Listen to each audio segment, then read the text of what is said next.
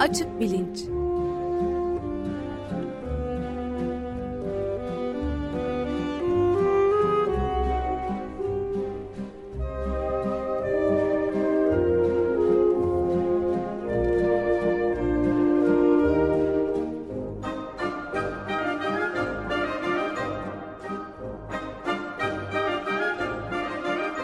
Güven Güzeldere ile bilim ve felsefe sohbetleri. Günaydın Güven Bey, merhabalar. Günaydın Ömer Bey. Günaydın. Günaydın Özdeş. Evet, bugün e, Açık Bilinç'te bir konuğumuz var.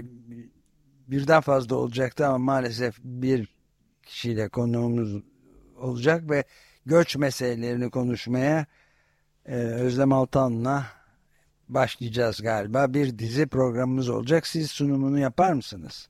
E, tabii konuğumuz Koç Üniversitesi'nden Profesör Özlem Altan Olcay. Hoş geldiniz Özlem Hanım. Hoş bulduk. Çok teşekkürler davetiniz için. Merhabalar, hoş geldiniz. Hoş geldiniz. Şimdi göç ve göçmenlik konusunu konuşmaya başladık geçen hafta. Malum e, eş zamanlı olarak hem açık bilinçte hem vakayinamede e, vakayinamede Profesör Feyzi Baban konuk oldu ve Suriyelilerin e, kırılgan hayatları başlıklı kitabına referansla konuştuk.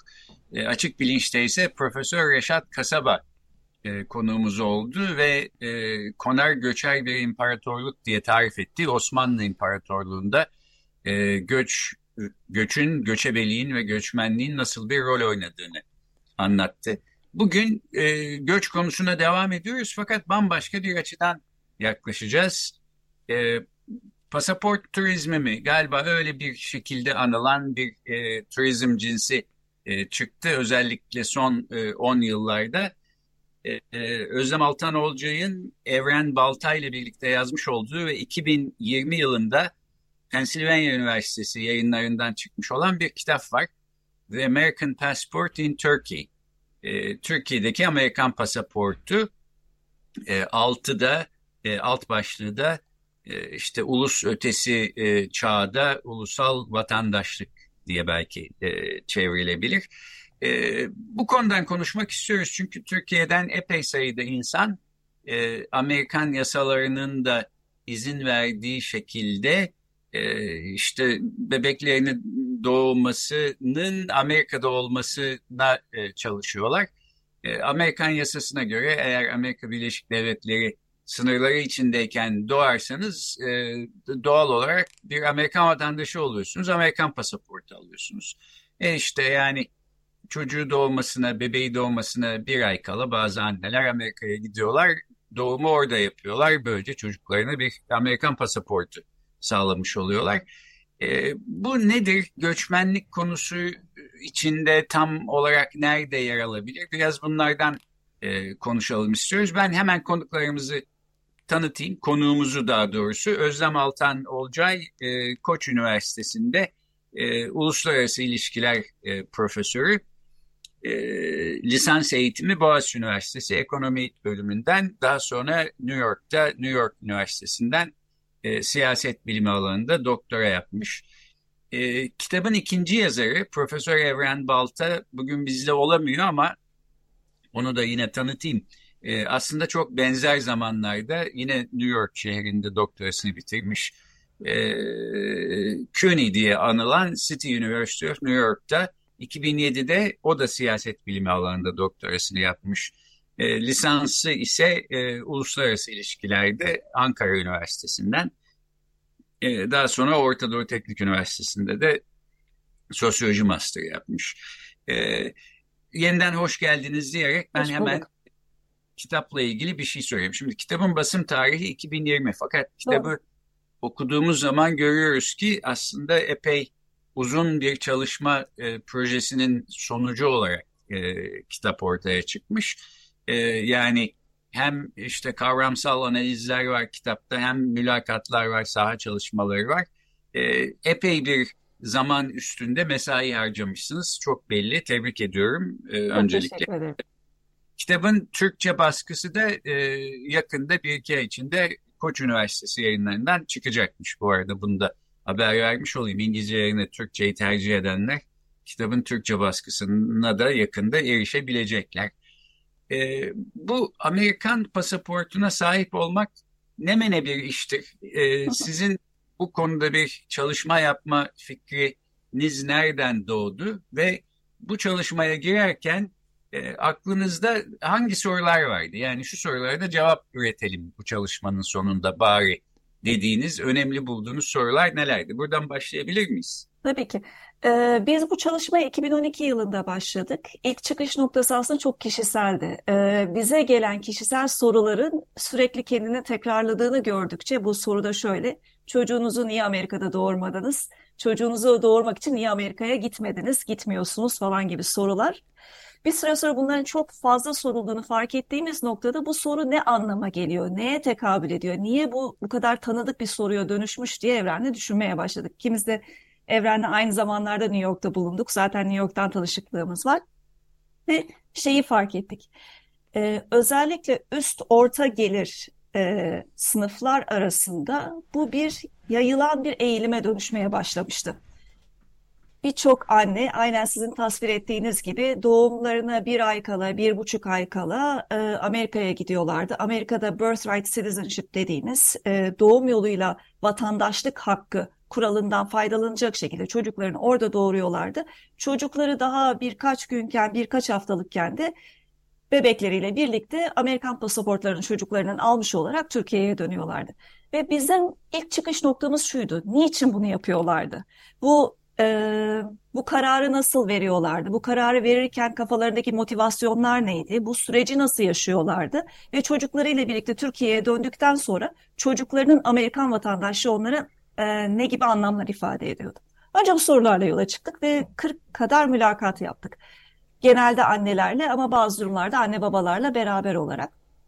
Fakat fark ettik ki şu noktada hani öncelikle şeyi söyleyeyim hani e, üç grubu da söyleyeyim sonra geri döneyim tekrar bu anne babalara. Hmm, gördüğümüz şey şuydu. Anne babalar kendileri Amerikan vatandaşı olma arzusunda değillerdi. Ya da Amerika'da yaşama arzusunda da değillerdi. Bunların bir kısmı Amerika'da yaşamış insanlardı ama Türkiye'ye geri dönmüşlerdi. Tek istedikleri çocukları için, çocuklarının geleceği için bir hayaldi. Çocuklarının geleceğini garantili altına alabilecekleri bir, bir e, çıkış kapısıydı. Ve biz burada Amerikan vatandaşlığına dahil bu yetişkinlerin hayallerine tanıklık etmiş olduk. Ancak hayaller ta tanıklık ettiğimiz. O yüzden de biz iki grupla daha mülakat yaptık hmm, daha sonraki senelerde. Türkiye'de doğmuş büyümüş, Türkiye vatandaşı olan ancak Amerika'ya göç edip Amerika'da uzun süre kalma vasıtasıyla Amerikan vatandaşlığı almış çifte vatandaşlar fakat daha sonra Türkiye'ye geri göç, geri göç etmiş insanlar.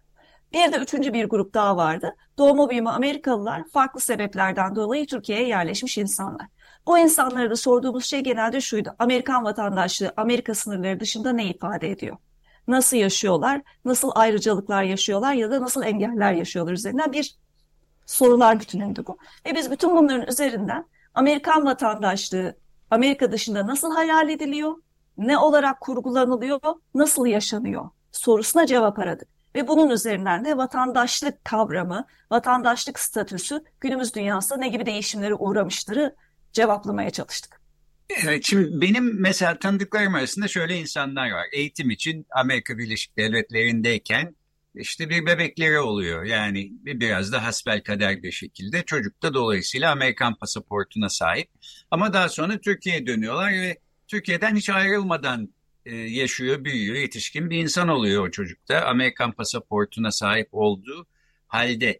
E, dolayısıyla burada herhalde bu Amerikan pasaportuna sahip olmak illa Amerika'da yaşamanın e, bir indikasyonu değil, daha ziyade bir potansiyel ya da bir ayrıcalık ya da bir garanti olsun, elimizde dursun, gerekirse kullanırız falan gibi bir motivasyon mu var?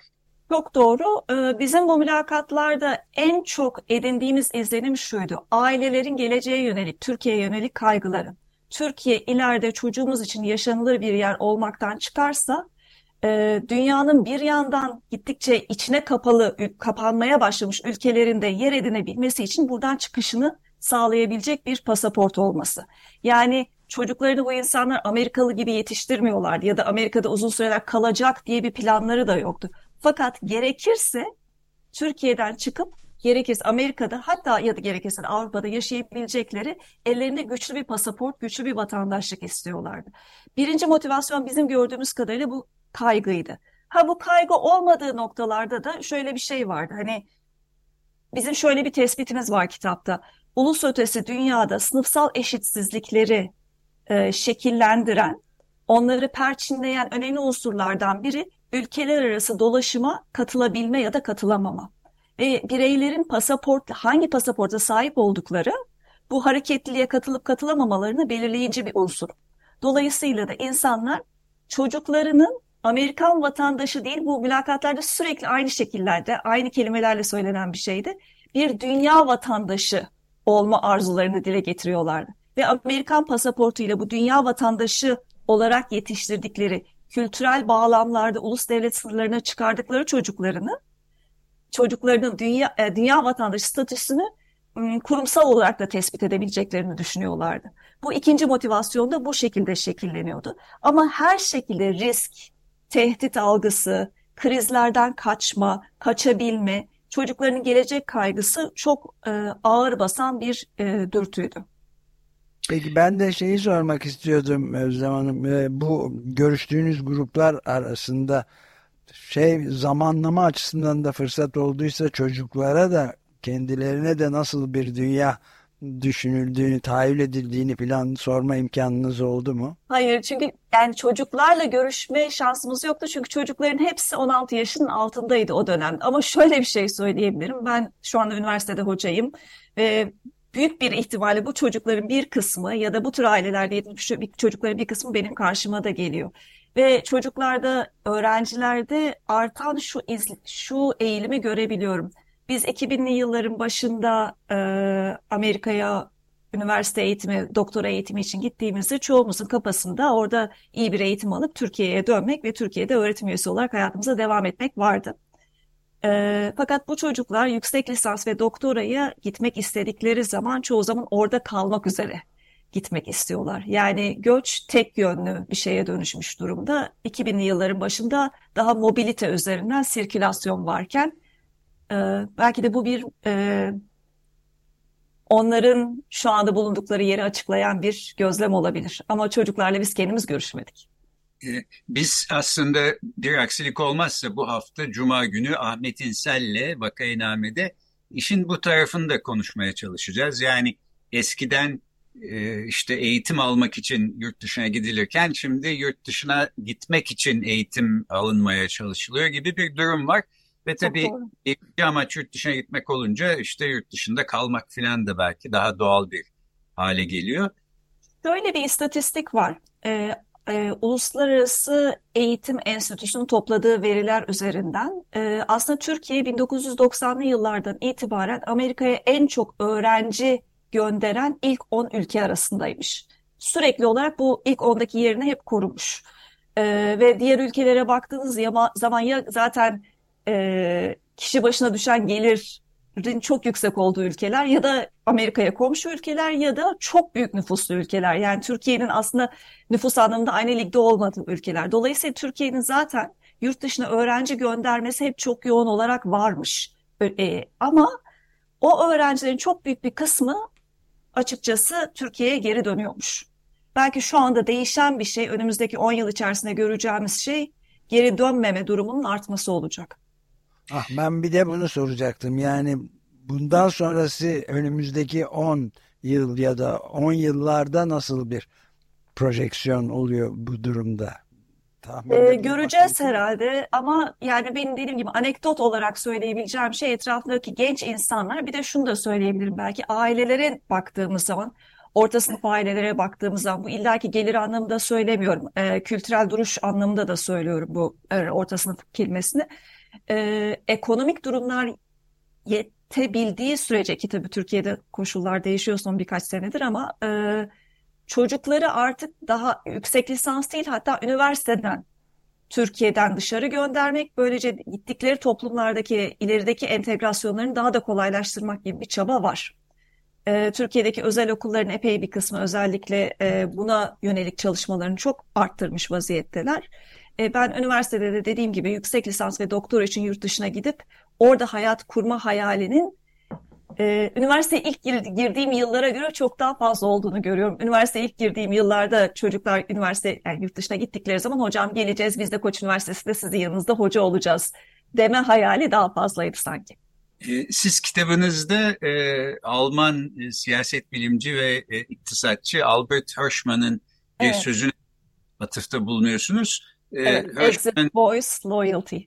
Evet, o kitapta e, diyor ki Hirschman işte böyle baskı altındaki e, rejimlerde, baskıcı rejimlerde hayatlarını sürdüren insanların önünde üç e, opsiyon olur. Ya e, işte sadakat gösterirler ve hatta belki kendi çıkarlarını korurlar e, şeyin bir parçası, baskıcı rejimin bir parçası olarak veya baş kaldırırlar, isyan ederler. E, tabii bu da hem zor hem riskli bir şey. E, veya üçüncü opsiyonda sistemin dışına çıkarlar, terk edip giderler diyor. Galiba bu öyle bir terk edip gitme eğilimi eskiden olmadığı şekilde e, sanki e, gündemimizde e, korkarım. Bana öyle gözüküyor. Size nasıl gözüküyor? Yani dediğim gibi bu konuda bence çok ciddi bir veri toplanması gerekiyor. Ama gösterilen mesela e, ne bileyim bazı iş kolları üzerinden göster e, rakamların gösterdiği bize evet burada böyle bir eğilim var. Doktorların gitmesi, yazılımcıların gitmesi, e, ne sağlık çalışanlarının genel olarak gitme eğilimleri böyle bir eğilim olduğunu gösteriyor. Ama herhalde önümüzdeki birkaç sene işte bu, bu konuda veri toplamamız gerekiyor. Kimler gidiyor, nasıl gidiyor, nasıl networkler üzerinden gidiyorlar bunları görmemiz gerekiyor. Bizim Evren'le henüz yayınlanmamış üzerinde çalıştığımız başka bir yazımız daha var. Orada da e, yetenek e, pasaportları, yetenek vatandaşlığı, yetenek oturma izinleri üzerine bir çalışma yapıyoruz ve e, ülkelerin nasıl özellikle e, gelişmiş kapitalist ülkelerin daha gelişmekte olan ülkelerden yetenekli, belirli skillere sahip insanları almak üzere kurdukları vatandaşlık e, süreçlerini ele alıyoruz. Ve burada da görüyoruz ki bu sadece Türkiye'ye özgü bir şey de değil.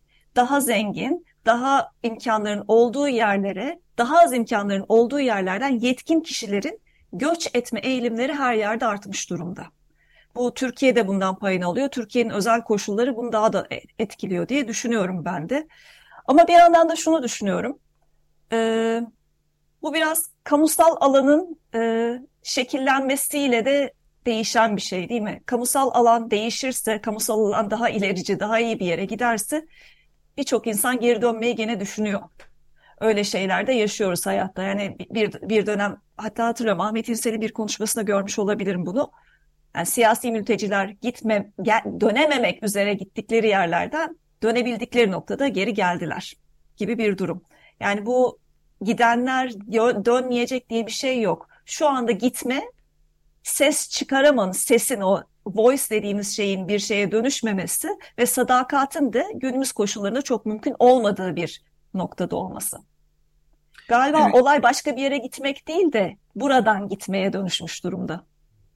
Evet yani çıkmak dediği işte evet, ölçmek. çıkmak. Yani. Tabii acıklı bir durum yani. Çok. Öyle. Peki ben bir şey daha sormak istiyorum. Şimdi bunu e, son zamanlarda ne zaman ifade etmeye kalksam herkes biraz böyle ya sen herhalde aklını kaçırdın falan diye bana bakıyorlar ama yine de size bir sorayım. Şimdi e, kitabınızın alt başlığı ulus ötesi çağda e, ulusal vatandaşlık. Şimdi vatandaşlık da bence e, ahlaki bir seçim de yapıyoruz. Yani e, işte hani hangi ülkede doğduysak onun vatandaşı olduk. Onu seçme imkanımız yok ama daha sonradan yetişkin bir insan olarak hele işte ben şu ülkenin vatandaşı olmaya karar verdim dediğiniz zaman e, bir şekilde o ülkenin işte günahlarıyla, sevaplarıyla bir sürü şeyini belki kabul etmiş oluyorsunuz. Çünkü bir bağlılık yemini etmeniz gerekiyor filan falan. Bu vatandaşlık denen şey karşılığında da ülkeler böyle şeyler istiyorlar. Bunu göz önüne almak ve e, vatandaşlık kararında e, bunu da düşünmek e, çok çılgınca bir şey mi sahiden sizce yoksa böyle insanlar da var mı?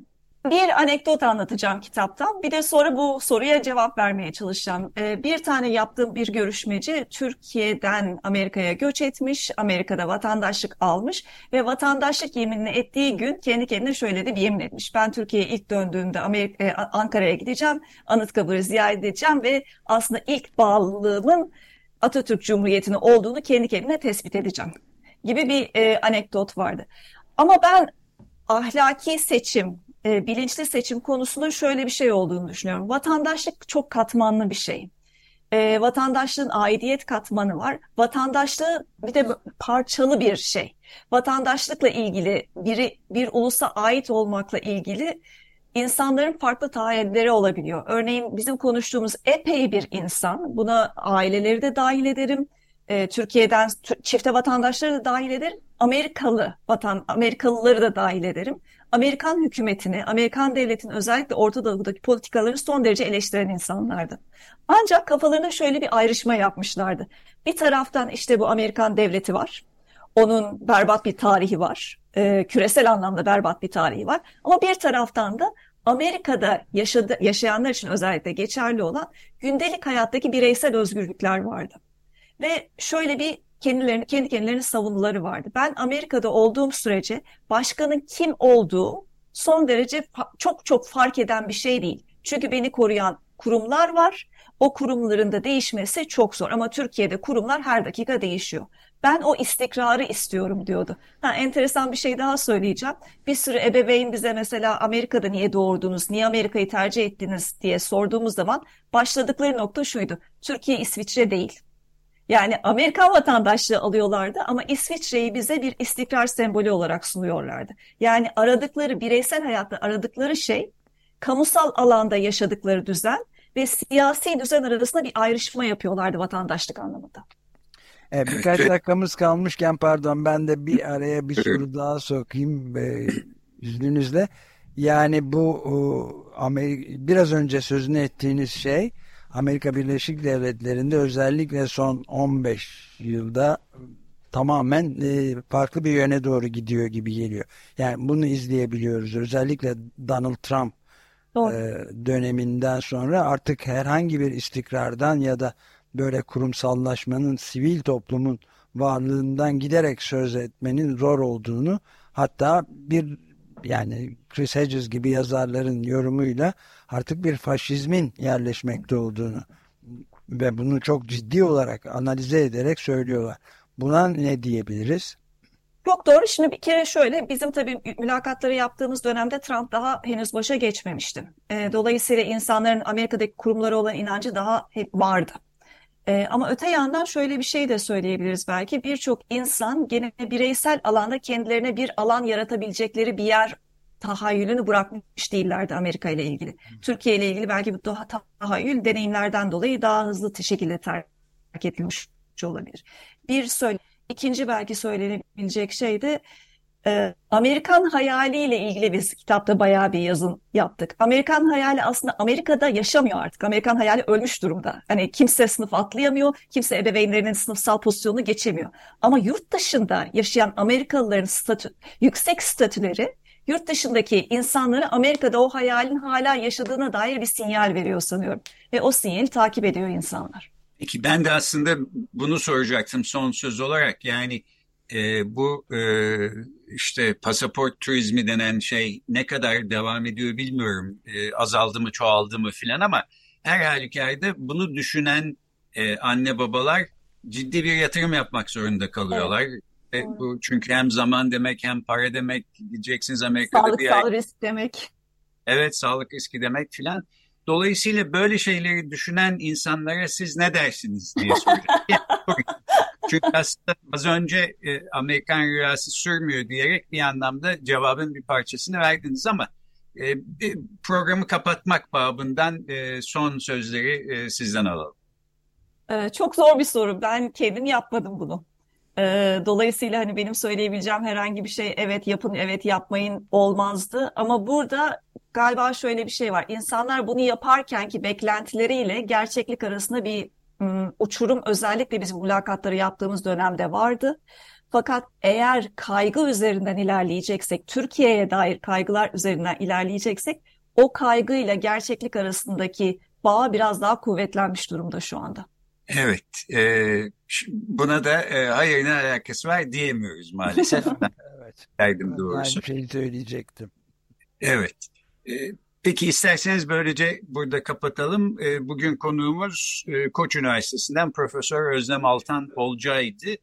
E, Özyeğin Üniversitesi'nden Profesör Evren Baltay ile birlikte yazmış oldukları The American Passport in Turkey, Türkiye'deki Amerikan pasaportu başlıklı 2020 senesinde e, Pennsylvania Üniversitesi yayınlarından çıkmış olan kitaplarına referansla göç ve göçmenlik e, konusunu ele aldık. Çok teşekkür ediyoruz o zaman. Ben teşekkür ederim. Çok teşekkürler. Çok sağ olun. Görüşmek üzere. Görüşmek, Görüşmek üzere. üzere.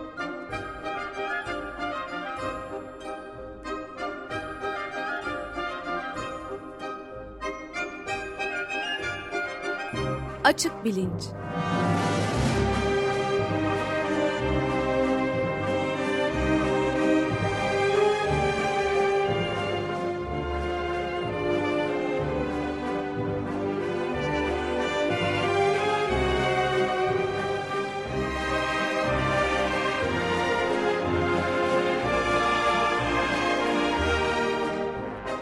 Güven Güzeldere ile bilim ve felsefe sohbetleri.